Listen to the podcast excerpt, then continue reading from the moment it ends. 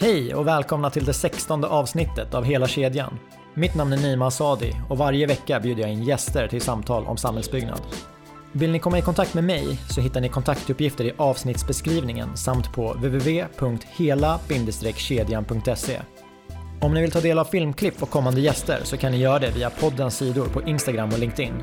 Även de här länkarna hittar ni i avsnittsbeskrivningen. Jag skulle vilja rikta ett tack till poddens samarbetspartner Byggvärlden. Mer om vårt samarbete kan ni läsa på Byggvärldens hemsida.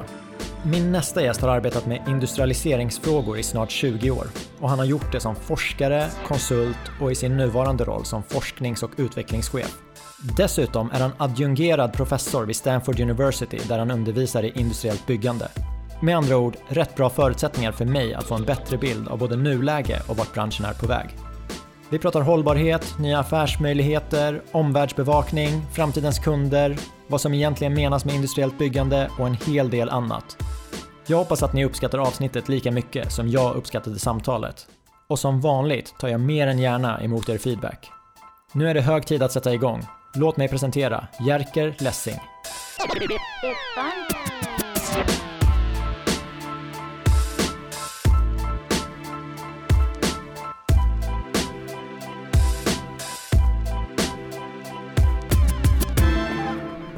Då kör vi då, från Skanskas lokaler i Stockholm med Jerker Lessing.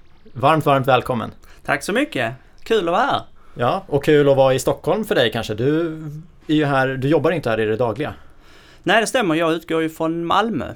Så att jag är på eh, finbesök i, eh, i huvudstaden, så det är ju jättekul. Jag var ju på eh, det stora evenemanget eh, Årets bygge, eh, konferensen och galan igår och var, deltog i två Eh, panelsamtal om digitalisering och industrialisering. Så eh, det var jättekul. Och sen var det ju då den här festligheterna på kvällen med alla fina priser som delas ut. Så det var ju jättekul. Lite, lite feststämning sådär. Så det var roligt.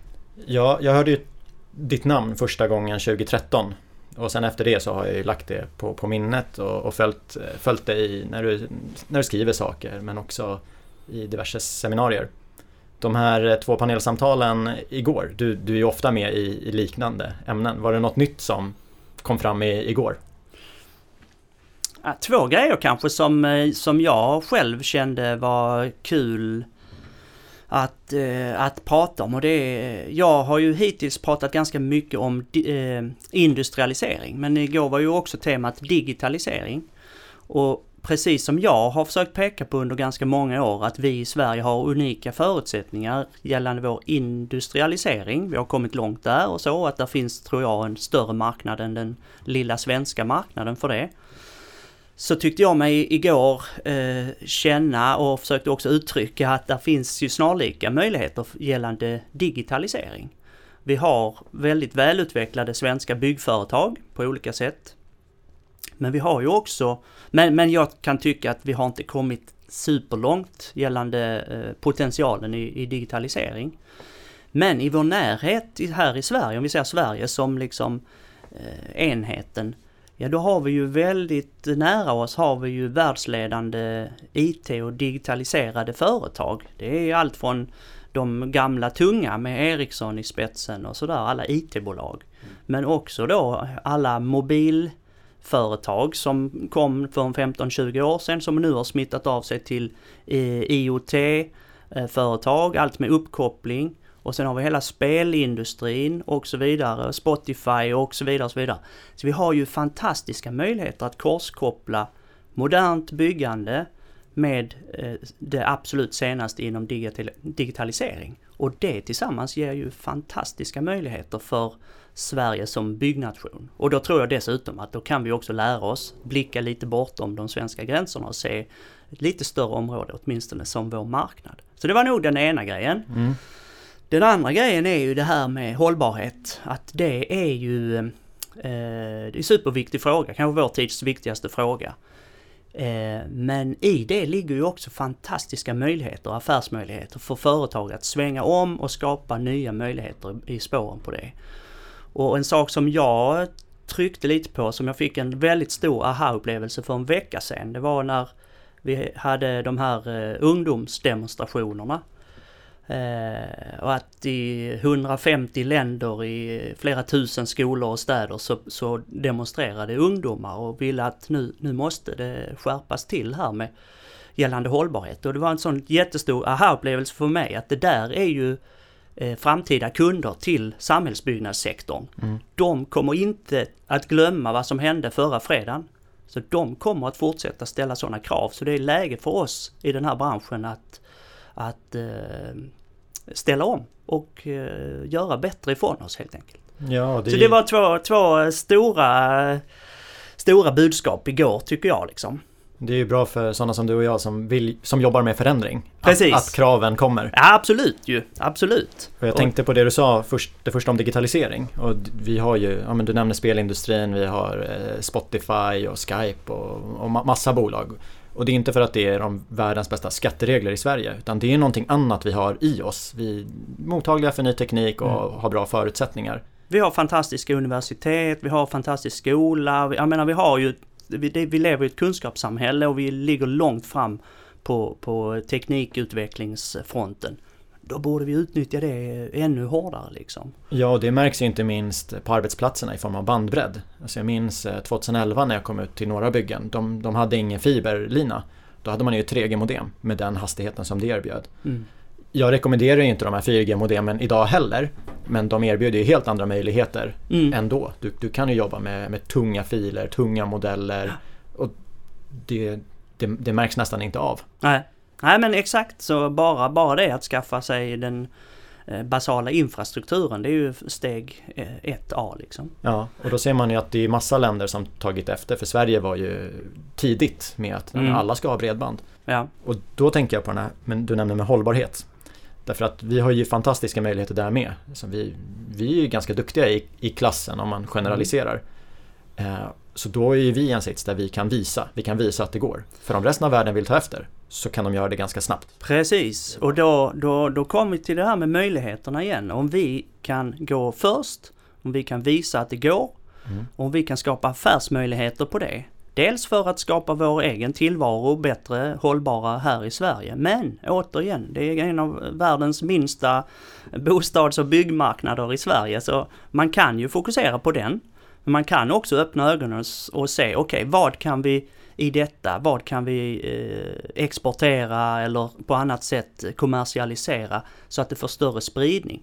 Då är det ju affärsmöjligheter men det är ju också ett sätt att då faktiskt sprida den här kunskapen och, och göra gott för, för större del eh, i världen än bara vår egen lilla skärva. Och det är ju en fantastisk kombination tycker jag, liksom att affärsmöjligheter och öka, öka liksom hållbarheten. Så. Det är sådana här saker som gör att man blir helt laddad och Ja, jag vill komma igång, nu, ja, nu, nu ja, kör vi! Ja, exakt! Så det gäller att ta energin i, jag antar att det var en bra atmosfär igår. Ja, ta absolut! Den energin det var väldigt bra. Mm. Du, eh, jag har ju läst om dig inför det här.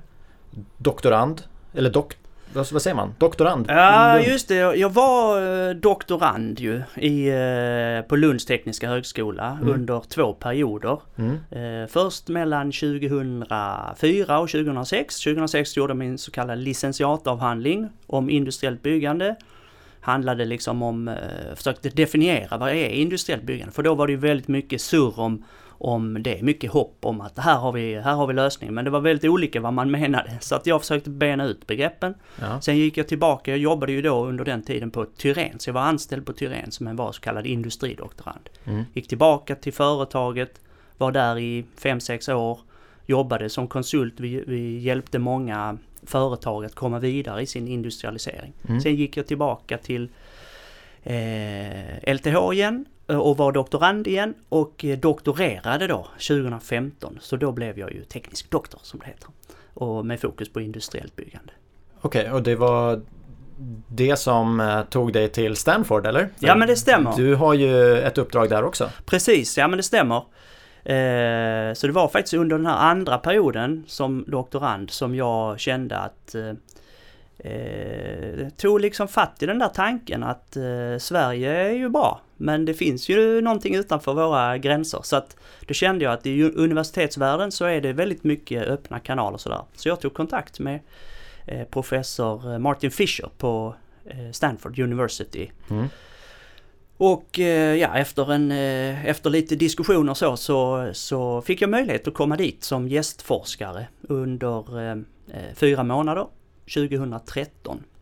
Så då var jag där fyra månader och fick möjlighet att hålla en kurs om industriellt byggande. För det visade sig att de hade inte alls kommit igång med det på samma sätt som vi har då hade här i Sverige. Inte? Jag tänker ändå det är ett av de universitet som ska ligga längst fram. Precis. De ligger ju och, och då redan då väldigt, väldigt långt fram gällande digitalisering och den traditionella byggprocessens utveckling. Men det industriella hade de inte påbörjat. Så eh, professor Fischer tyckte att det här var spännande och han erbjöd mig att hålla en kurs då för sina studenter för att sprida kunskap. Mm. Tyckte jag ju var toppen. Så gjorde jag det och den blev väldigt populär så att det, jag blev inbjuden att komma tillbaka året därpå och, och året därpå och så vidare och så vidare. Så nu ska jag faktiskt åka dit om två veckor och hålla den här kursen för sjätte gången. Men är det i eh. fyra månader då du, du Nej, är där? Då blir det så att, eh, för då var det ju lyxen att då var jag där under en hel sån här eh, läsperiod, tio ja. veckor. Men det kan jag inte längre. Så nu åker jag dit eh, två veckor och så håller jag mina föreläsningar bum, bum, bum ganska intensivt. Och sen så har man lite eh, gästföreläsningar från företag, de får göra projektarbete och så utan att jag är närvarande. Så får vi använda modern teknik, alltså lite eh, Skype och, och, liknande för att eh, hålla kontakten. Och sen har jag en eh, assistent på plats där som sköter det, det praktiska. Liksom. vad var det hos dig och från Sverige som du tror fick Fischer att ja, det är klart att du ska hålla den här kursen. Jag tror det var att han såg, jag tror ur hans perspektiv var det ett nyckelord och det var integration. Eh, att genom att jobba med industriellt byggande så lyckas man integrera de olika delarna av processen på ett eh, ganska elegant sätt. Och det har varit hela hans mission att försöka eh, göra det, fast mer i det traditionella, med hjälp av digitala verktyg och, och metoder och sådär. Så han såg nog att genom att ha en industriell approach så kan man uppnå det på ett på annat sätt, men på ett väldigt spännande sätt. Och så såg han väl att deras, eh, deras mål på Stanford är ju att vara, ligga längst fram och om de hittar någon som de tycker är långt fram, då vill de gärna bjuda, bjuda dit en så att man kan eh, ja, helt enkelt bjuda dem på, på sin kunskap. Så mm. det var nog så enkelt att han såg att Sverige har kommit eh, längre inom detta och jag gissar att han såg i mig att, eh, att det var en som, som eh, kunde förmedla det. Liksom. Kunde det och kunde förmedla det. vad har hänt i Kalifornien då, från 2013 till nu? Det känns ju som att Stanford och Silicon Valley, de, de, är, de är goda vänner. Absolut. Med kapital kan man ju faktiskt vara snabb i, i sin utveckling. Ja. Är det någonting som du känner under de här jag blir ju sex år som mm. bara, wow. Absolut, och det är faktiskt rätt häftigt för att det, den, den, eh, under den, de här åren, första, första perioden när jag var där så var vi träffade jag på kanske tre företag som eh, hade liksom börjat eh, trampa lite i det industriella spåret. Intressanta helt klart. Mm. Året därpå var det ytterligare något företag som, som, som dök upp och som jag kunde göra lite intervjuer med och sådär. Och så, I princip för varje år som har gått så har det ökat på liksom ett antal företag. Så nu skulle, man, skulle jag nog kunna räkna upp tio företag eh, som är i den absoluta närheten där som är högintressanta, som absolut jobbar med industriellt byggande enligt de modeller som, som jag brukar använda för att beskriva det och sådär.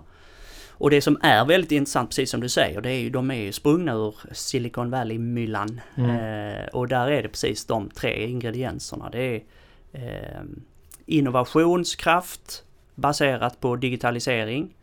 Eh, där är folk från massa olika eh, branscher och eh, både då industrin hopflätat på något sätt med akademin. Där är ju flera väldigt spännande för, universitet i området. Det är Stanford och det är ju också Berkeley som ligger i närheten. Och sen är det ju kapital. Mm. Att det finns ju väldigt mycket riskkapital tillgängligt så att säga där. Och det har ju, det har ju eldat på utvecklingen.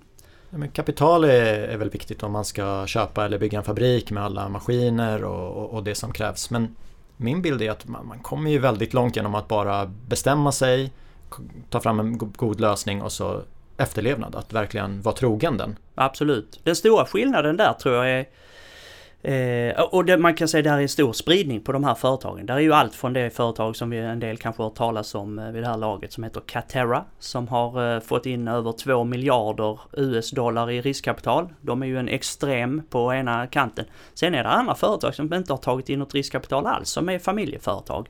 Som gör precis som du säger.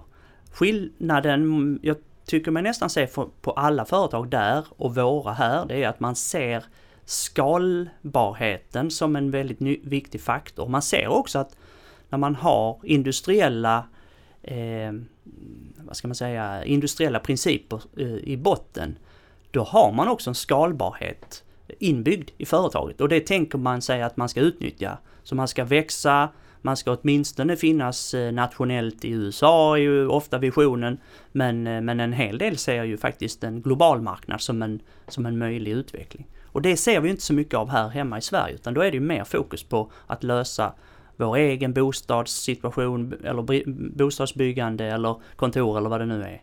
Det är en stor skillnad tycker jag. Ja, det känner jag också när man tar fram så här kollar fram i tiden, ja, men vilka konkurrenter har vi?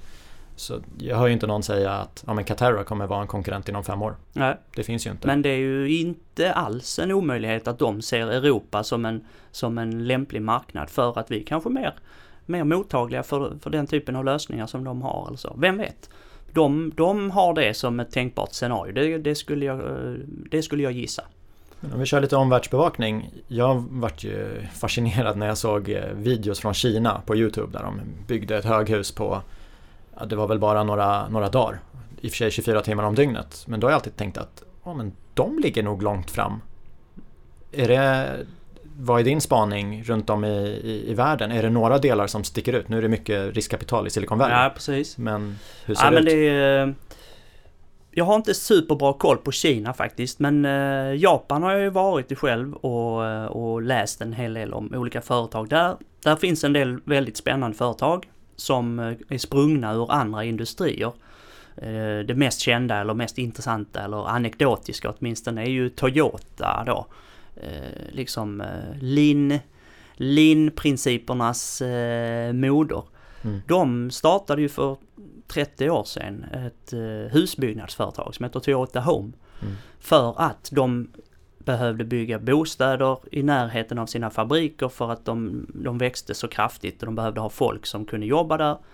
Eh, de tyckte att de som byggde hus gjorde det på ett omständigt sätt så de började engagera sig i hur det där hände och insåg ganska snart att mm, vi är rätt så bra på detta. Så de eh, bildade helt enkelt bolaget eh, Toyota Home och nu bygger de ju, jag tror 15 000 hus om året.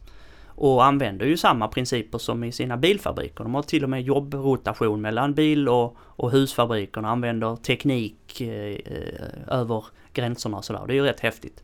Och där är en, en, en svärm andra företag med på något sätt liknande förtecken. Så Japan är långt fram. Men procentuellt sett så är det fortfarande en liten del av deras eh, bostadsmarknad. För det är en sån gigant. De bygger, jag tror de bygger över en miljon nya bostäder per år. Så det här står kanske för 5-10% av, av den. Så, men i, i, absoluta tal är det ju mycket, men procentuellt sett lite. Men så Japan är långt fram. Eh, USA som har vi ju pratat om. Eh, England började hända spännande saker.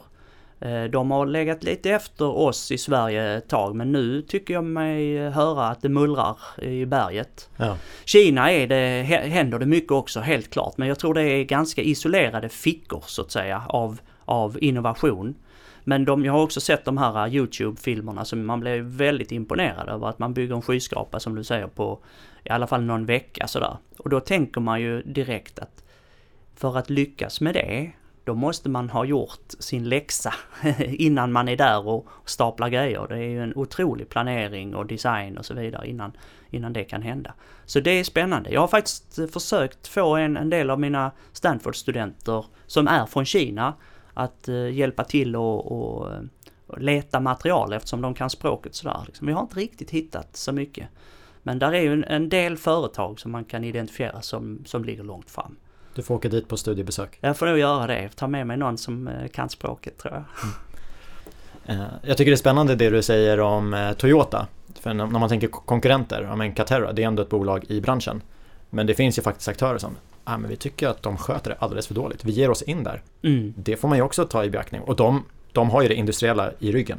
Ja men exakt. Precis som det är befintliga industriföretag som ger sig in i detta. Eller befintliga andra företag. I- Ibland så brukar man ju ägna sig åt att fundera på oj, vad skulle hända om Amazon eller Google eller Apple skulle börja bygga hus? Ja, det skulle ju förmodligen inte se ut exakt så som den traditionella branschen ser ut. Nej. Och det är faktiskt inte bara en, en eh, tanke utan det är faktiskt så att eh, inte alla, Apple har jag inte hört någonting om men både Google och Amazon eh, har ju börjat intressera sig för vår bransch. Och Google har ju till exempel ett dotterbolag som heter Sidewalk Labs som intresserar sig för detta. Framförallt, det tar sin början i Smart Cities med data som ska genereras och smarta installationer och sådär.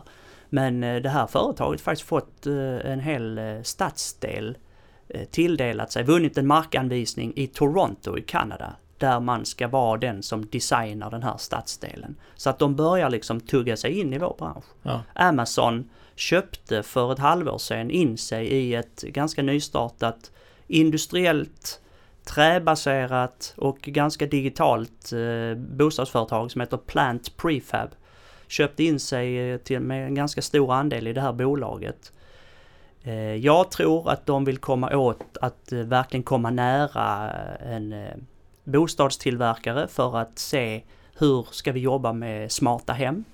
Men vem vet om det blir ett, eh, en Toyota-grej på det liksom, att de tar sig ännu längre in i, i det här. Det, det vet vi ju inte. Det är så lurigt i vår bransch tycker jag för att med min insyn i det jag har sett så okej, men bara om vi projekterar klart, vi ritar klart huset och vi sätter dit ett bra team och vi följer tidplanen. Redan där så har man ju en superpotential kontra de flesta andra projekt eller hur det ser ut i branschen. Mm.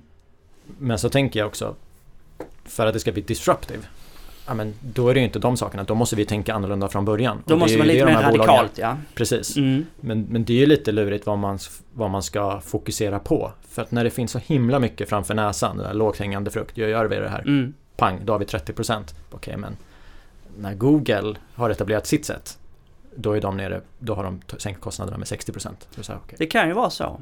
Och där man kommer väl, eh, man kan väl koka ner det till att eh, det handlar väl om utveckling och vilken kraft man kan lägga bakom utvecklingen.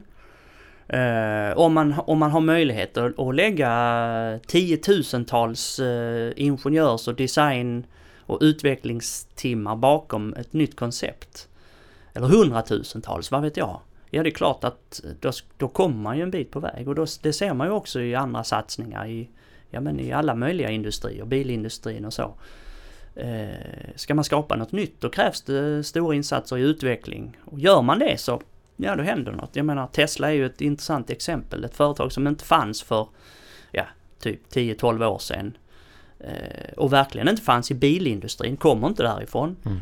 Men nu har de ju börjat skaka på, det, på, på eh, den väldigt etablerade branschen och ja, åtminstone skapat väldigt mycket stress hos många att oj, vi måste nog också göra någonting som går i det här. Men, och, det här och, och av många rankas de ju som de bästa Mm, precis på va? väldigt kort tid. Precis va. Så att, eh, men där är ju många, många, många, många timmar och eh, dollars som ligger bakom detta. Så är det ju. Precis. Men det visar ju att det går, Ja. om man vill. Vi har pratat industriella principer och industriellt byggande så här i inledningen. Vad är det för någonting?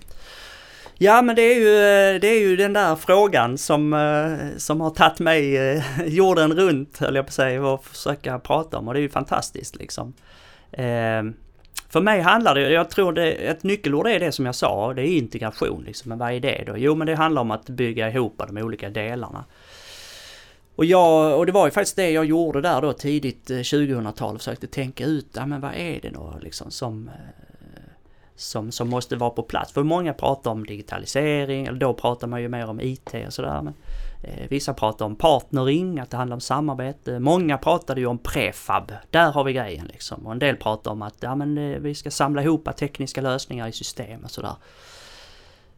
Och mitt eh, svar är att eh, alla har rätt. Men inte var för sig utan det är faktiskt så att man måste baka ihop det här till en helhet.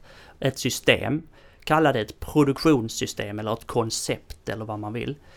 Eh, men det räcker inte där utan man måste ju ha min lilla fusklapp här som där jag har ritat en av mina favoritmodeller och där, där är åtta olika fält. Mm. Åtta plus ett eh, fält. Och de eh, som jag menar måste vara med. Och det, man får inte ta bort något för då tycker jag att man tappar eh, delar i potentialen. Jag sätter igång pennan nu. Sätt igång pennan nu ja. för det här, det här är viktigt. Ja, jag kan, du kan få den här skissen sen. Ja, ja, men det handlar om att, att göra precis det. Samla ihop tekniska lösningar i tekniska system. För, förtänka. Vad är, det, vad är det vi ska göra? Och sen är det ju såklart att jobba med förtillverkning. De två hänger ju dessutom ihop rätt så väl. Har man eh, förutvecklade tekniska lösningar då är det också lättare att skapa en förtillverkning för då vet man vad man ska förtillverka för något. Liksom.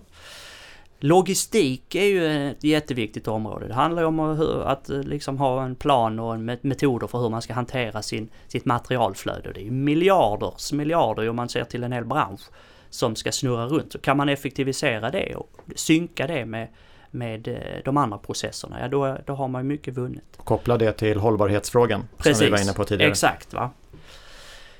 Eh, och också långsiktiga samarbeten. För om man lite tittar på hur vi jobbar traditionellt i vår bransch så har vi ju en, en rätt hög grad av kortsiktighet. Att vi byter ut vår, de aktörer som vi jobbar med hela tiden. Eh, till och med inom projekt byter man ju ut både konsulter och entreprenörer och sådär. Och det, då är det ju svårt att få, få liksom en bra eh, effekt av, av samarbetet. Så där tror jag långsiktiga samarbeten är en, en nyckelfråga också. Och då kom jag in med en fråga ja. som jag funderade på innan jag skulle träffa dig för att jag tänkte att den kanske kommer upp. Eh, långsiktiga samarbeten, man pratar ofta om team. Går inte det att ersätta med väldigt bra arbetsbeskrivningar? Eh, ja, jag tror kanske inte att man ersätter det, men jag tror man ökar ju definitivt eh, produktiviteten och, och pålitligheten och förutsägbarheten på det som ska göras med väldigt bra arbetsbeskrivningar, montagebeskrivningar ja. och så vidare. Så det är väl ett fantastiskt, eh, fantastiskt hjälpmedel. Ja, sen förstår jag också att eh, om man anlitar en firma och säger att vi är jättebra på det här speciellt inom bygg, så kommer vi säga vi har hört det där förut. Mm. Eh, vi kommer lägga in vår risk på 15% oavsett ja. vad du säger. Och ja. då förstår jag samarbetet. Men ofta internt när man pratar, vi ska tillsätta rätt personer i teamet. Jag, jag, jag håller med. Sen kan jag ju tycka att det ska vara som eh, Playstation. Att när du väljer ditt lag på fotbollsspelet och ser att den här personen är snabb eh, den här och ja, ja, stark. Exakt. Då måste exakt. vi kombinera med de här grejerna. Nu inom bygg är det ofta så här, men de har jobbat med varandra tidigare. Mm. Det är ett bra team. Är det? Det, det, Nej, det, det är ju det med att de kan sina roller. Ja, precis. Nej, men så jag tror verkligen på, på uh, dubbeleffekten där. Att väldigt tydliga instruktioner vad som ska göras och så vidare. Gärna hur, gärna i detalj. Återigen kan vi lära oss från andra industrier, där jobbar man ju så. Mm. Men då vill det ju också till att man vet vad man ska göra. Och då kommer man tillbaka till att det handlar om att specialisera sig. Men det du sa där, det var nästan som en eh, sån eh, förberedd brygga för mitt nästa område där som jag skulle säga, det är ju planering och kontroll av processen. Och då, då har vi ju det. Man måste ha, vi måste ha mycket högre eh, grad av just planering, förberedelser, arbetsberedningar och så vidare på alla moment i hela kedjan. Från liksom första planerna, skisserna, idéerna till design och genomförande och så vidare. Men det, alla säger ju att det är viktigt och har gjort det hur länge som helst. Yes. Vad är det, det som, är vad är det trögt, som stoppar ja. oss? Ja, det är trögt. Men jag tror också det är kanske det här underliggande faktumet att vi är en så fragmenterad bransch och vi har varit, det har liksom utvecklats i evolution under årtionden, århundraden nästan. Så att det är otroligt tröga strukturer att bryta och företagen är uppbyggda för det och så vidare och så vidare. Så att det är trögt alltså. Men mm, man måste ju liksom eh, knäcka i detta. Alltså. Men där tror jag faktiskt med digitaliseringen, för ofta när man pratar planering, om vi tar ett bostadsprojekt på Klokt bygger bostäder. Mm. Det borde ju kunna vara samma tidplan i alla projekt. Det kanske tar lite olika tid, för det är olika ja. mängder. Men ordningen borde ju vara densamma. Absolut. Och så har man ofta sagt, nej men mitt projekt är unikt. Unikt, ja. Och det tror jag att med digitaliseringen att man kan visa så här. Fast det är inte unikt. Nej, det, nej. det enda unika är, är platsen. Det kanske, och, och, det enda unika är kanske den, den sista eh, konfigureringen. Alltså mm. det, den sista eh, hopsättningen. Det, så att det blir eh, byggnader och miljöer som som är unika till viss grad. Men det de består av är ju inte unikt. Jag menar alla hus har ju väggar och tak och fönster och dörrar och handfat och så vidare. Så att det är väldigt standardiserade ingredienser men receptet kan ju vara olika och ska vara olika ju såklart. Men, och sen hur man jobbar för att få fram det. Det kan ju vara väldigt likt ju. Jag blir varm i hjärtat av att höra det där och jag tror att det är många lyssnare som ja, kul. Ja, men bra Nej men och det är verkligen så för det är ytterligare en, nu kommer jag inte ihåg vilken ordning vi är på här med i numret men digitalisering är ju en av de här bitarna som måste vara med mm. i, i, eh, i alla fall i min, min syn på industrialisering. Och när man har skapat allt det här med långsiktighet i tekniska lösningar och tillverkningsmetoder och samarbeten och logistik och så vidare. Ja, då bör det ju också bli en bra idé att gör, jobba med mätning, mm. erfarenhetsåterföring och sådär. Eh, och som kan dessutom föda eh, processerna ständiga förbättringar som vi ju egentligen inte har i ett, ett traditionellt projektorienterat byggande. Då kan vi inte jobba med ständiga förbättringar särskilt väl eftersom det vi ska producera aldrig återkommer. Teamet återkommer aldrig, produkten återkommer aldrig och, och de tekniska lösningarna är unikt sammansatta, ja då är det inte så stor idé att jobba med erfarenhetsåterföring och ständiga förbättringar. Men om man skapar de här, någon slags ledstång i teknikplattform och eh, processplattform och så. Mm, då börjar det ju finnas en infrastruktur som kan ta emot det där liksom. Och den allra sista som egentligen är den viktigaste av alla som man borde ha börjat med kanske, men nu hade jag inte ritat det så. Det är ju kundfokus. Mm. Vem ska vi bygga för? Vad kan de betala? Vad prioriterar de? Hur ser deras situation ut? Vad är funktionerna vi ska lösa här? Vi tror ju idag att vi vet hur en bostad ska se ut. Ja, men, och vad baserar det sig på? Ja men det är ju sån forskning som gjordes på 50-talet. Det är kanske så att vi, vi behöver skapa nya typer av produkter och behoven ser annorlunda ut idag. Kärnfamiljen är inte den finns men den är inte den enda situationen och så vidare och så vidare. Så mycket, mycket djupare kunskap om vem vi bygger för. Och sen så riktar vi det i vår design och våra produktionssystem så att vi kan leverera det på ett bästa sätt. Men det där har jag undrat över, liksom det här med vad kunden vill ha. Och jag menar det här på ett ödmjukt sätt för att jag vet att det är väldigt många i branschen på marknadssidan som jobbar hårt för att ta reda på det. Mm. Men om någon hade frågat mig, vad, vad vill du ha av din telefon år 2006? Ja. Då hade jag sagt så här, ja men jag skulle vilja ha bra mottagning och kunna eh, smsa. Precis. Det, det, det är det jag vill. Exakt jag gör ju helt andra saker med den idag. Yes. Och, jag gjorde det redan 2000, jag tror det var 2007 eller 2008 jag fick min första smartphone. Mm. Bara, Va? Kan man ta högupplösta bilder med, med en mobil? Eh, så, som, det är ju det är ett jättetungt arbete det där. Att det är supertungt. Lyssna på vad folk vill ha men vad, vad kan de få? Så är det. Och det, vi pratade om det igår också. Jag blev väldigt glad för att den diskussionen kom upp och jag är lika glad för att du tar upp det nu. För det, är, det här är ju, jag tror detta är ganska nära essensen av vad det handlar om. Man måste eh, jag tror inte att man kan fråga kunderna vad de vill ha och sen så bara göra det. Då blir det ju det, då blir det ju samma, samma, samma. Mm. Jag tror att man ska fråga kunderna om vad är era behov? Hur ser era situationer ut? Hur ser era familjebilder ut? Och vad gör ni på fritiden? Hur jobbar ni? Är ni på jobbet varje dag eller jobbar ni hemma? Allt, allt möjligt naturligtvis fråga också vad, vad önskar ni er och sådär. Men sen ska man ju samla ihop allt det. Så ska man gå hem. Och det är då det roliga börjar. Det är då det är dags att vara kreativ. För då är det dags att analysera det. Vad är det de har sagt? Vad är det de har sagt? Jo, de säger ju detta och detta. Ja, Okej, okay, men vad betyder det? Hur skulle vi kunna lösa det? Ja. Och så skapar man produkter, lösningar Eh, på de problemen. Det är ju det som är vårt ansvar som jobbar i den här branschen. Om inte vi gör det, ja men höll på säga då, då, eh, då behövs vi ju nästan inte. Så det är ju det som är det häftiga. Det är då vi kan vara kreativa, det är då vi kan komma med något nytt liksom. Och det är ju, jag menar, hade Steve Jobs och hans eh, kompisar på Apple frågat dig så hade, hade du fått en lite bättre telefon. Lite större högtalare så du hörde bättre. Men du hade ju inte fått allt det där andra liksom. Och det är ju samma med alla andra innovationer som har skett, så liksom världsomdanande innovationer. Så är det ju. Precis, och jag tror att det är lätt att säga, ja men Steve Jobs hade en vision. Det hade han säkert, men det, var inte bara så att han kom en dag till jobbet och sa nu ska vi ha en smartphone, den ska ha cool design. Utan han kanske triggade igång ett arbete och satsade pengar för att det var ju med vad finns det i världen? Mm. Vart är tekniken om tre år? Det var ju så de kom fram till att nu kan vi starta en, vi kan skapa en riktigt bra smartphone. Dessutom var det ju så att eh, den byggdes av ganska mycket standardteknik. Eh, ja. Som redan fanns. Det fanns ju, Ericsson hade ju de, eh, flera patent ju som, som, och, och lösningar som eh, man hade tagit fram för läng, långt tidigare. Ja. Men som, som inte passade in riktigt. De användes eh, sen av, av Apple och så vidare.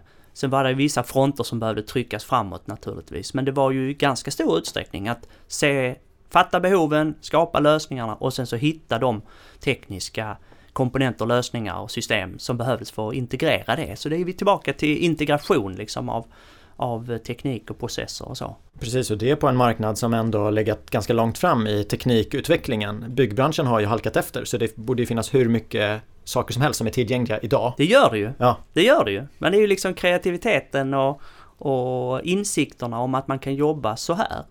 Och då är vi, tror jag att då kan vi komma in på en av mina andra favoritämnen och det är ju liksom att vi är ju byggbranschen, om man, om man liksom eh, ger det någon slags väldigt, väldigt, väldigt generell karaktär så kan man säga att vi jobbar ganska mycket i byggbranschen och vi, vi ganska isolerat så att säga.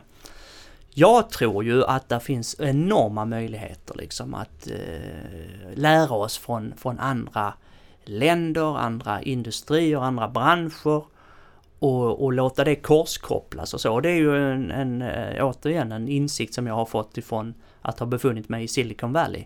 Att i den miljön så uppstår det liksom eh, idéer och innovationer och så. Och det, så jag tror vi ska försöka uppmuntra mycket mer till det liksom i, på alla, alla plan. I byggprojekt eller i företag eller i i eh, branschen, på universitet. Vinnova borde kanske uppmuntra till det när man har utlysningar om ja. innovationsprojekt och så vidare och så vidare.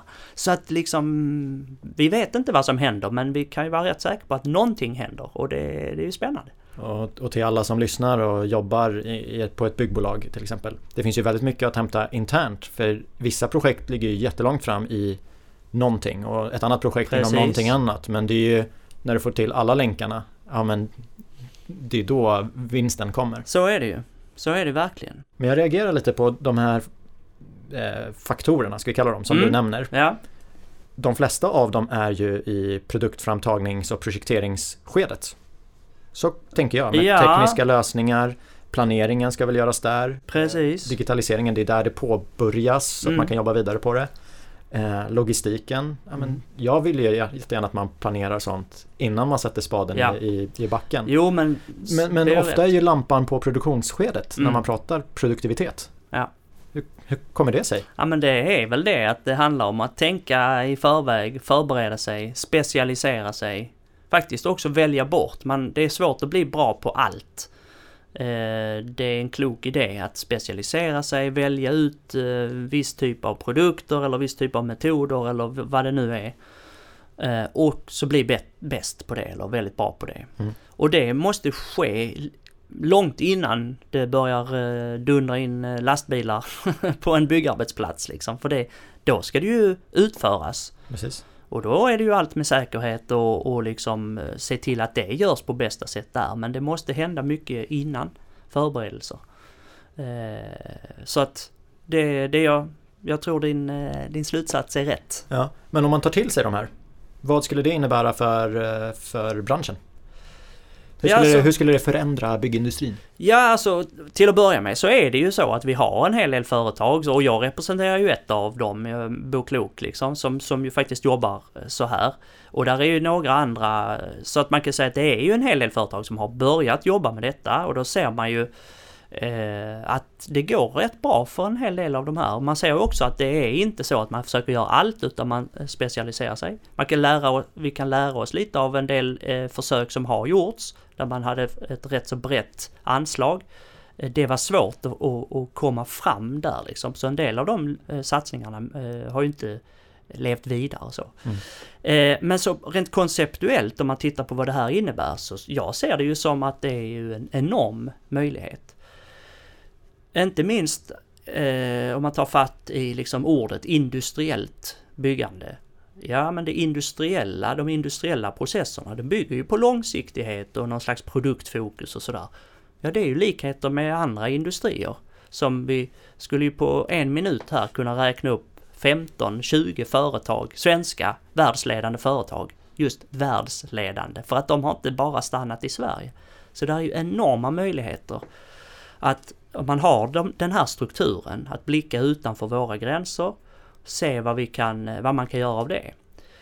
Så det är byggdelar så, det är stora tunga saker, det kan vara dyrt och omständigt att flytta. Ja, ja, men då får man väl knäcka i det. Då kan man ha satellitföretag, kan man ha franchiseupplägg, kan man sälja patent, kan man sälja lösningar, kan man ha samarbete. Alltså det finns ju tusen eh, sätt att eh, lösa det. Men att blicka utanför den här lilla, lilla marknaden Sverige är ju affärsmöjligheter men det ger också mm. större volymer som kan bekosta utvecklingen. För det där hänger ju ihop ju. Har man en liten volym som man ska bygga då är det ju svårt att lägga in jättestora investeringar i utveckling eller i maskiner eller fabriker eller vad det nu är, logistiksystem eller vad det nu är. Då är det svårt att få hävan på det. Eh, det har vi också sett ju.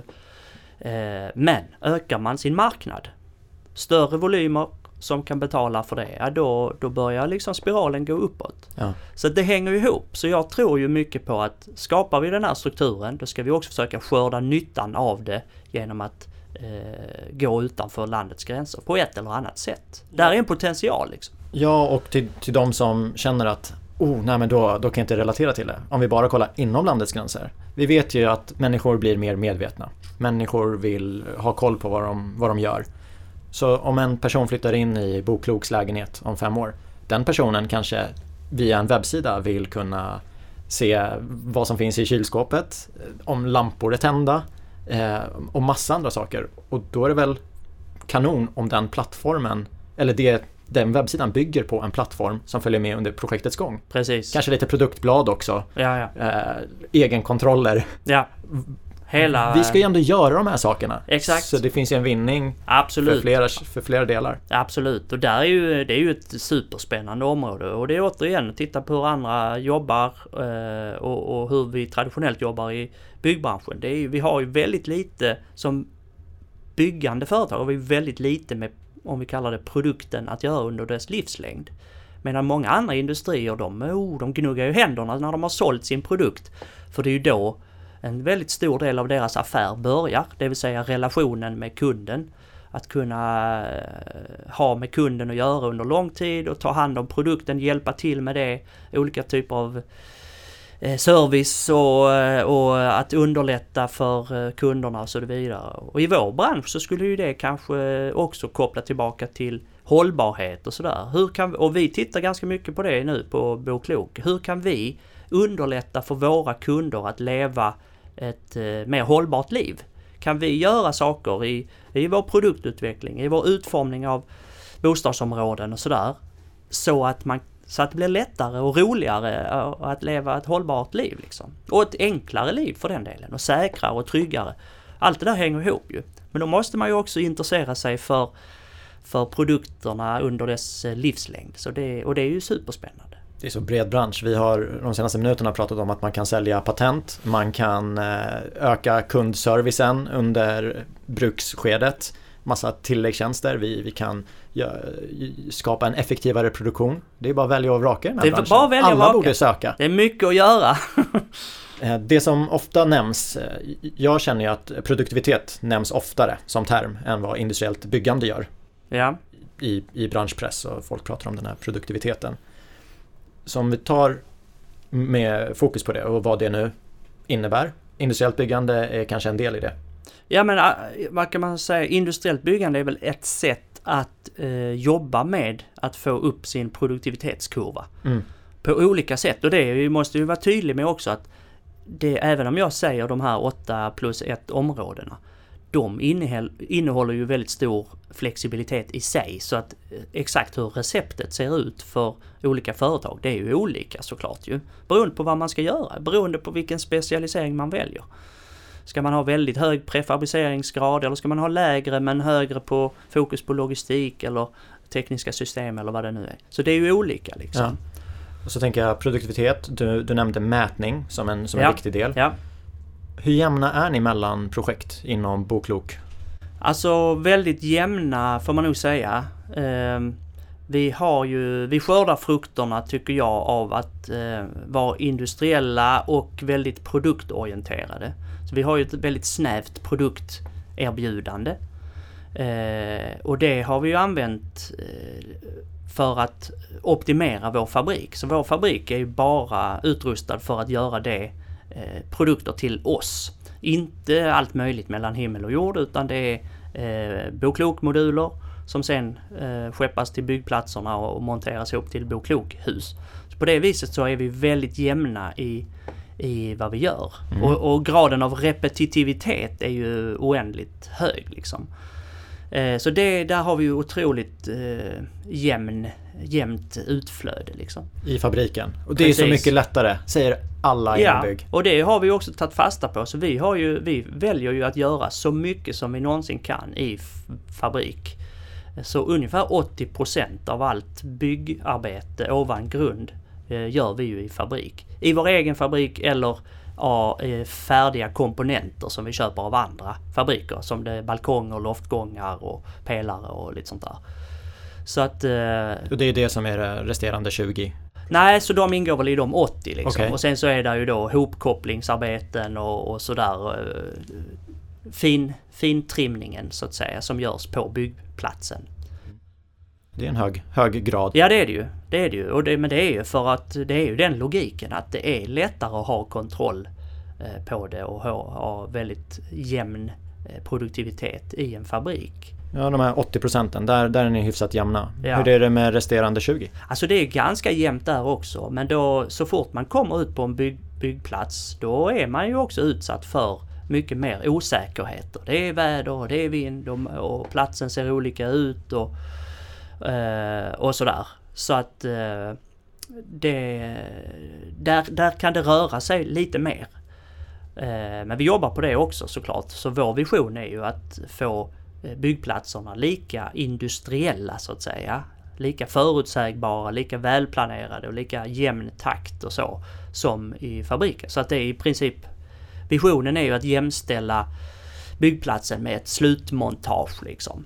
Eh, sen är det ju som alla förstår att där är ju alltid eh, unika företeelser som man måste förhålla sig till. Men att försöka vara förberedda på det till en högre grad och planera ännu bättre och så vidare och så vidare. Så, så vill vi ta oss eh, vidare där, helt klart. Jag tänkte fråga dig, för du nämner väder och vind, eh, unika företeelser. Vilka utmaningar har ni? Som ni, ja men det är de här vi, vi kämpar med just nu. Alltså vi har ju som alla andra har vi ju utmaningar att Alltså Boklok är ju, vi är ju jobbar ju väldigt kostnadseffektivt och vårt löfte till kunderna är ju att, eh, att alltid vara eh, billigast, eh, ha det billigaste erbjudandet på marknaden. Så en av våra ständiga utmaningar det är ju att hålla i kostnaderna så att vi verkligen håller det liksom. Eh, och i det ligger ju att eh, jobba med effektivitet, produktivitet, eh, hålla nere tiderna på eh, byggplatsen. Eh, men det som vi också vi kämpar med, vilket ju är ett lyxproblem på ett sätt, vi har väldigt nöjda kunder. Eh, vi hade, för andra året i rad har vi eh, bostadsbranschens nöjdaste kunder i sånt här nöjd kundindex. Så ja, det är grattis! Ju, ja, det är vi omåttligt stolta över. Men det kommer ju med en utmaning också, att vi tänkte ju fortsätta med det. Så att det är ju att hela tiden jobba med eh, detta. Se till att eh, vi hela tiden blir bättre och rätta till de fel som vi ju har. Vi har ju såklart fel och brister också. Försöka släcka det kontinuerligt och upprätthålla det här kanske till och med öka kundnöjdheten över tid. Liksom. Så där har vi ju, det är ju en ständig, ständigt jobb som vi har liksom, som att vi, vi måste arbeta med. Är fabrikerna era egna? Ja, vi har en egen fabrik och sen har vi ett antal eh, partners, mm. Eh, partnerfabriker som levererar åt oss som också bygger då i eh, volymelement på snarlikt sätt som vi själva. Men de äger vi inte utan där har vi långsiktiga samarbeten då. Ja, för det var det jag tänkte fråga om, för det var ju också en sak, ja, långsiktiga samarbeten. Så mm. hur samarbetar ni med projektörer, fabriker och ut, utförare? Har man något treårskontrakt eller ja, hur, men, hur, hur, gör ni?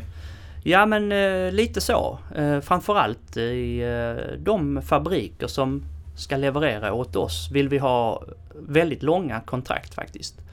Så att de känner sig trygga med att, att kunna eh, satsa på, eh, på oss som kund. Eh, och också eh, att vi ska kunna känna oss trygga med att, att vi får den uppmärksamhet som vi vill och att vi båda parter kan så att säga skörda nyttan av det, den långsiktigheten. Vi, det är viktigt för oss att det går bra för dem. Eh, och det är ju superviktigt för oss att, att det är en jämn och, och, bra kvalitet. Vi vill ju inte att det ska gå dåligt för dem så att de Eh, behöver ägna sig åt det eller till i värsta fall går omkull och så. Det vore ju katastrof för oss. För det blir ju våra förlängda armar liksom. Så, att, eh, så därför så har vi långa samarbeten och vi, eh, vi försöker hjälpa våra leverantörer så mycket vi kan att bli Eh, bättre. Och de får gärna, och, och gör det också, komma på besök i vår fabrik till exempel och lära sig och vi har så att säga inte riktigt jobbrotation men de kommer och lär sig hos oss och vi har personal som åker till dem och berättar och, och stöttar och sådär. Så att vi, vi försöker uh, verkligen leva som vi lär uh, i den frågan. Liksom. Ja men jag, jag tänkte på det att uh, ofta så är ju den här mängden spill och bortkastat arbete okej, okay, det, det, här är, nu är det jag som går och, ut och säger det här. Den är ju ofta större än vinstmarginalen på projektet. Liksom. Får man ordning på det så, så finns det väldigt mycket pengar att hämta. Nu vet inte jag hur Boklok jobbar men det är min bild när jag ser hur det ser ut på vissa, vissa arbetsplatser och då vet man ju att ett, ett gott samarbete då kan båda parter vara nöjda utan att någon ska behöva gå omkull och man kommer kunna ha en avkastning som är, som är bra. Absolut. Och det blir ju också på samma sätt som vi, eftersom vi har utrustat vår fabrik optimerat för det vi gör. Om våra leverantörer kan eh, göra detsamma eftersom de vet att de kommer att jobba med oss under ganska lång tid.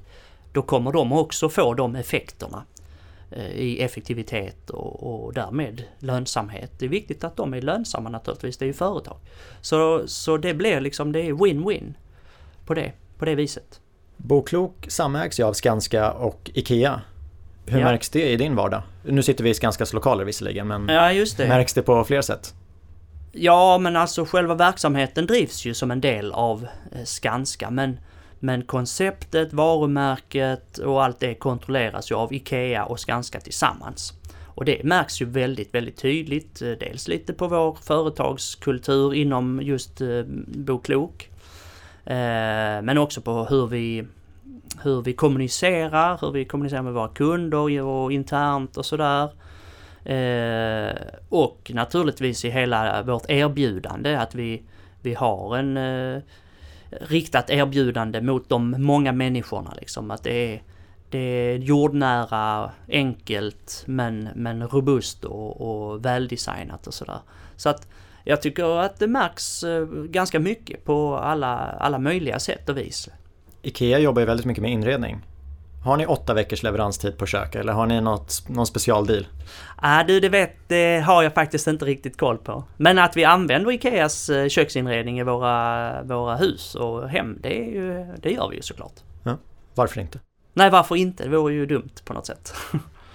När jag läste om Boklok, det var väl för något år sedan tror jag, när ni gick ut och sa att men nu ska vi ha solceller på alla hustak. Ja, det, det stämmer. Det är jag väldigt, väldigt glad eh, över. Att ha varit med och, och eh, drivit på i den frågan. Mm. Varför? Ja men logiken var ju på något sätt samma som det vi alltid gör. Att, eh, att, att kunna ha ett erbjudande till våra kunder som inte blir ett pilotprojekt här och ett pilotprojekt där utan vi vill komma fram på bredden och göra det jämnt och, och tryggt och, och tuffa på. Och på exakt samma sätt med solceller. Vi vill erbjuda eh, hållbar energi till våra kunder, de många människorna. Och då ska vi ha det på alla projekt. Vi tyckte att tiden var mogen, vi hade testat detta i, eh, på lite olika sätt och vi kände att eh, både marknaden och Eh, tekniken fanns där. Så det var dags att ta det här steget. Och sen var vi ju extra glada och stolta över att vara först, eh, först i bostadsbranschen att eh, komma med det här erbjudandet. Och också för att då får det också effekt. Om det blir, vi byggde förra eh, nu ska vi säga 2017 byggde vi 1300 bostäder. Och då får det ju här, får ju det här effekt om man, om man eh, trycker fram det på ganska bred front. Då får det effekt både för de som bor i eh, bostäderna och bostadsområdena men också lite eh, rejälare effekt på energimarknaden så att säga. Jag tycker det låter fantastiskt med, med solkraft och liksom miljötänket. Syns, syns den här ambitionen i valet av material när ni bygger husen? Ja men det gör det ju absolut och det var ju ett val som vi gjorde tidigt, ända från starten av Boklok för vad det nu är, 23 år sedan. Eh, så valde man ju, eftersom det här skulle, man insåg det här ska vara produkter, det här ska tillverkas eh, i större serier. Eh, vi ska, göra, vi ska inte låta det vara en byggplatsbaserad produktion utan fabriksbaserad. Då letar man efter lämpliga byggsystem, produktionssystem för det och ganska snabbt landade man ju i eh, träsystem då. Som fanns, hela småhusindustrins infrastruktur fanns ju så att säga tillgänglig då som potentiella leverantörer. Så det blev eh, träbyggnadssystem lämpliga för förtillverkning och så. Och, och valet gjordes egentligen av mer produktionsmässiga eh, val eller aspekter. Men efterhand har vi ju insett hur, hur klokt det var eftersom trä är ett förnyelsebart material, vi har det runt omkring oss eh, och så vidare. Det binder koldioxid. Eh, så det där har vi ju växt sig starkare och starkare hos oss och att vi eh, börjar kommunicera mer kring det. Att det där är ju ganska viktigt. Eh, att, att vårt hållbarhetsarbete tar sin grund i det naturligtvis. Men också då med energi som vi pratade om. Sen är ju hela fenomenet att jobba industriellt i fabriker sådär, det är ju också kontrollerbart som vi har pratat om. Men det ger ju också mindre mängder spill av material, bättre möjligheter faktiskt också att eh, cirkulera material och sådär. Så att eh, eh, sen har vi en lång, lång lista av hållbarhetsambitioner som vi jobbar med dagligen, absolut. Liksom. Så hållbarhet är ju en, en av de absolut viktigaste faktorerna för oss. Vi säger dessutom i vår sån här USP, det är att vi Boklokt levererar hållbara hem till lågt pris för alla. Så att hållbara är ju första ordet där, så det visar ju kanske i någon mån hur viktigt det här är. Och det är enormt tydliga budskap ifrån våra ägare, IKEA och Skanska. De eh, har gett oss väldigt, väldigt tydliga direktiv att det här eh, ska ni fortsätta med. Och det är vi ju jätteglada för. Det är ingen, ingen motsättning i det. Vi är väldigt glada för att få de direktiven och, och köra vidare på det. Jag hade det i mina anteckningar att jag skulle fråga hur det märks i det dagliga men det tycker jag att vi har gått igenom ja. i samtalet fram tills ja. nu. Ja, nej men och det, det, kan jag säga också, det är många på Boklok som jobbar med de här frågorna som, som är väldigt engagerade i detta. Eh, så det är ju det, det är också en del av, av kulturen hos oss att, att verkligen vara en aktör som, som ligger långt fram på fronten gällande hållbarhet. Så det är jättekul. Ja, det står jättemycket på hemsidan. Mm. Och, och, några andra saker jag snappade upp på hemsidan, eh, det var ju vi ansvarar för hela värdekedjan. Produktut produktutveckling, projektutveckling, tillverkning i fabrik, byggnation, försäljning och kundrelationer efter inflyttning. Det låter ju bra. Ja. Men det säger de flesta bostadsutvecklarna, inte tillverkning i fabrik då. Så vad är det som gör att var, varför är man så lyckosam på Boklok?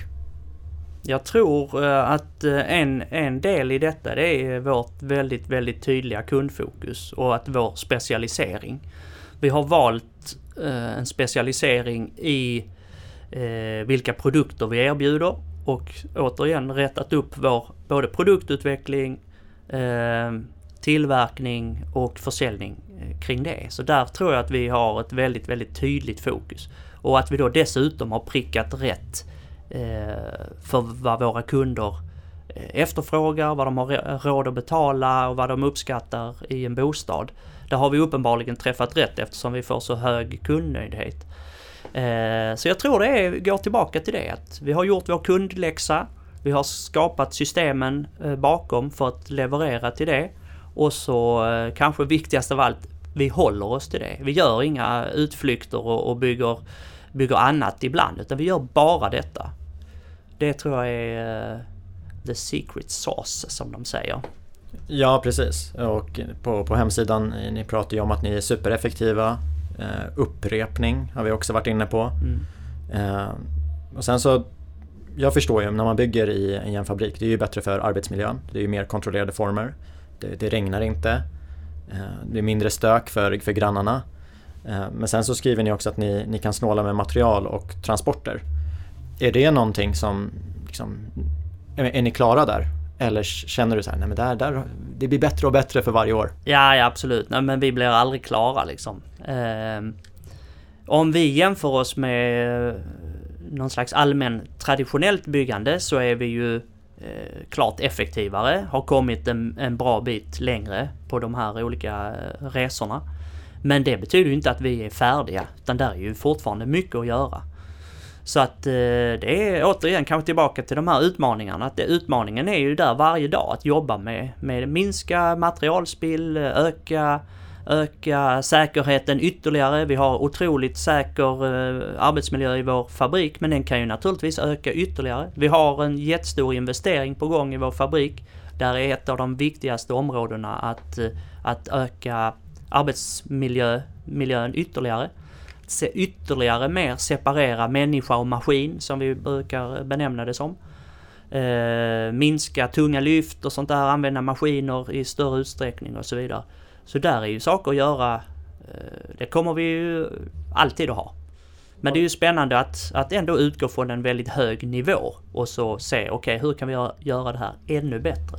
Ja. Var, var, ligger fabriken? Vår fabrik ligger i Småland utanför Vimmerby i en by som heter eh, Gullringen. Får man skriva upp det på Roadtrip 2019? Ja, just det, just det. I din Factory Tour. Precis. Ja. Just nu är det bara den fabriken. Ja, okay. på, på den turnén. Ja, ja. Får se hur ja, många som det, läggs till. det räcker kanske. Eh, jag tackar jättemycket för den här pratstunden. Eh, det har ju varit ett gympapass i, på andra sidan väggen känns det som. Apropå Men, arbetsmiljö, det är viktigt att ha god arbetsmiljö på kontor också. Precis, så det är inte så att vi säger åt dem att sluta utan det är jättebra. Ja, absolut. Eh, och jag vet inte om det har hörts för lyssnarna, men om det har hörts så vet ni varför. Ja, men ta tusen tack själv! Superspännande och eh, roligt att uh, prata. Så, så hörs vi igen lite längre fram. Det gör vi absolut. Då checkar vi ut då. Det gör vi. Ja, hej då från oss! Tack så mycket! Hej, hej då!